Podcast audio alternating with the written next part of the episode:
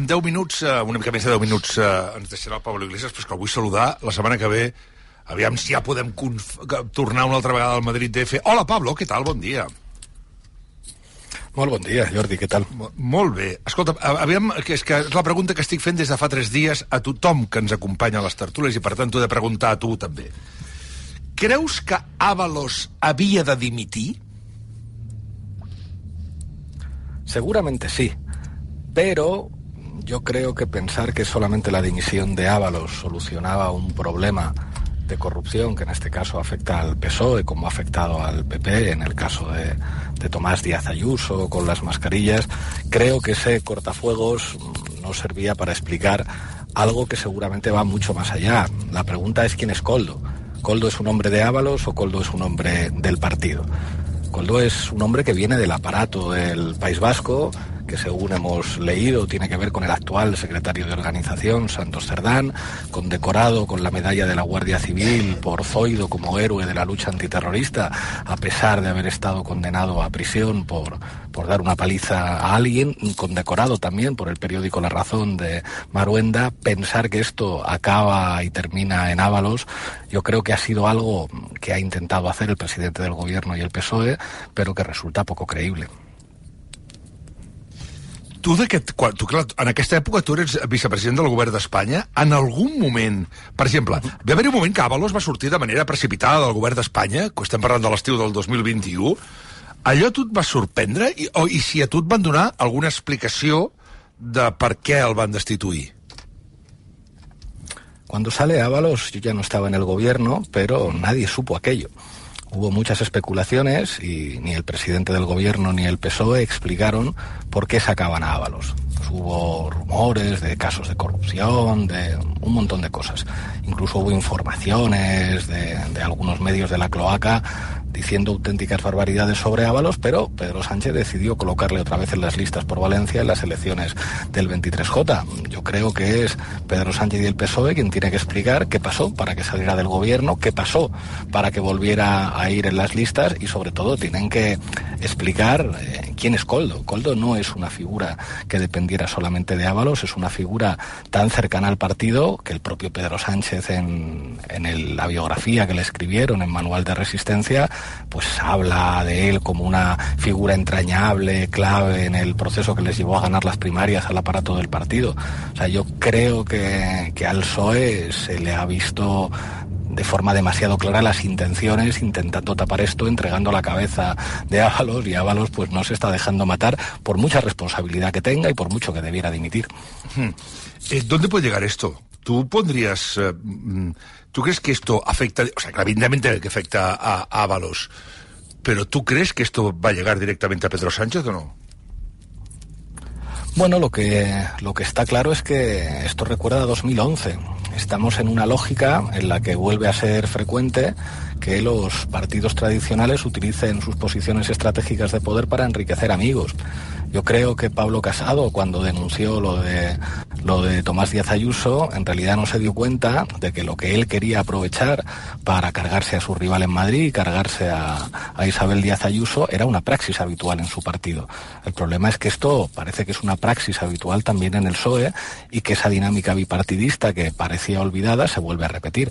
Figuras políticas que utilizan sus posiciones estratégicas de poder para que los amigos se puedan llevar mordidas, ojo, en un contexto eh, tan extraordinario como el de la COVID-19 en el que algunos se han forrado a costa de la seguridad y de la salud de mucha gente. Claro, Creo ahí... que esto es algo que...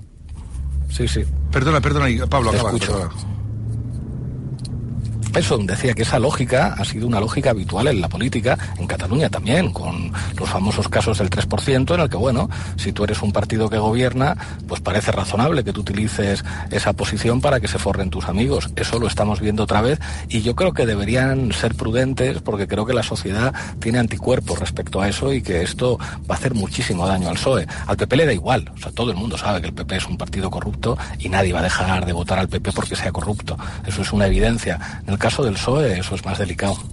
Hmm. Uh, hay un texto el otro día que me parece que para mí es, eh, se convierte en estos momentos en la Biblia de lo que pasó en aquellas épocas. Tú ahora hacías énfasis, por eso te he cortado en un momento, en aquella época pandemia, de la pandemia del coronavirus, en aquella época que tuvisteis que gestionar desde el gobierno de España una situación no difícil, no dificilísima, sino me atrevería a decir que imposible. Y este texto lo escribió sí. Sergi Pàmies el lunes en, en La Vanguardia y decía, desde el punto de vista de la verosimilitud narrativa, Ábalos puede parecer convincente. No le da la gana de ser el cabeza de turco más idiota de la concurrida tribu de cabezas de turco salpicadas por remotas responsabilidades.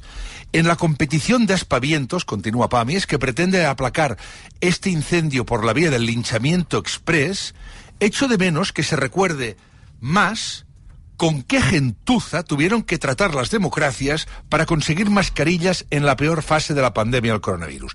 ¿Eso justifica la voracidad y la avaricia delictiva de los comisionistas que tuvieron que negociar con gángsters? No, pero sí explica el contexto de una historia que a la fuerza tenía que acabar mal. ¿Estás de acuerdo o no? Sí, lo que pasa es que hay que diferenciar entre los gángsters exteriores, tú le compras mascarillas a un gángster porque las necesitas, y otra cosa es que el gángster esté en el aparato de organización de tu partido, o sea, el hermano de la presidenta de la Comunidad de Madrid. Es diferente. En situaciones extraordinarias, a veces eh, puede ser inevitable hacer negocios con gentuza. Otra cosa es que la gentuza se siente en Nochebuena en tu mesa o forme parte de la dirección del partido, aparezca con el presidente del gobierno dándose un abrazo. Es muy distinto. Eh, en el moment, al moment de la compravenda de mascaretes, tu eres vicepresident. Tu vas, mai vas veure ni cap cosa estranya que ara et quadri? No. No, de todas formas, a nosotros en esas cosas jamás eh, nos dejaban ver nada, ni en la Comisión de Seguridad Nacional vi yo nada extraño. Yeah. I fíjate que estaven passant coses. Ja, yeah. i la figura de Santos Cerdán, tu el vas conèixer? Perquè a, a Santos Cerdán sí. ha aparegut a les nostres vides, ha aparegut a les nostres vides a partir de la negociació del PSOE amb Junts per Catalunya. És a dir, s'ha convertit en un personatge popular mm. a partir d'aquest tema. Ningú coneixia aquest secretari d'organització. Per tant, tu sí que el coneixies. Què tal? Perquè Avalos l'assenyala sí. i diu que va ser ell qui va col·locar Coldo García al càrrec. Sí, o sea, Santos Cerdán es un tipo muy inteligente que jugó también un papel muy importante en la negociación con EH Bildu en la pasada legislatura, alguien con capacidad de, de diálogo, con capacidad de escucha y digamos eso no cambia el hecho de que Coldo viniera de su mundo, un mundo ya digo extraño, o sea, es extraño que un escolta en el País Vasco que ha estado en la cárcel por dar una paliza a alguien, se ha indultado por el PP, condecorado por Zoido con la medalla de la Guardia Civil, premiado por el periódico La Razón y que se convierta en una de esas figuras que son imprescindibles en los partidos. Que esto lo explicaba Ábalos. O sea, ¿quién es la persona que está 24-7 disponible, que te lleva en coche, que coordina eh, con la seguridad del Ministerio del Interior, que organiza los actos? Claro, que en el PSOE hayan prosperado figuras como estas, pues revela también lo que es el PSOE y lo que fue y es el PSOE en el País Vasco, que eso da para muchos programas de RACU. ¿Sí? Bueno, tendremos sí, sí. tiempo, eh, Pablo, sí. tenemos tiempo, no hi haurà problema. Sí, sí, sí. Uh, escolta'm una cosa, um, clar, tu no havies sentit parlar mai ni de solucions de gestió, ni de res de tot això, evidentment.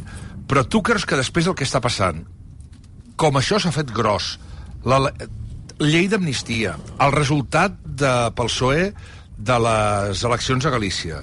Tu creus que la legislatura està pràcticament tocada de mort o Pedro Sánchez eh, té la, la pell d'armadillo i, eh, i ho pot, això ho pot tirar endavant?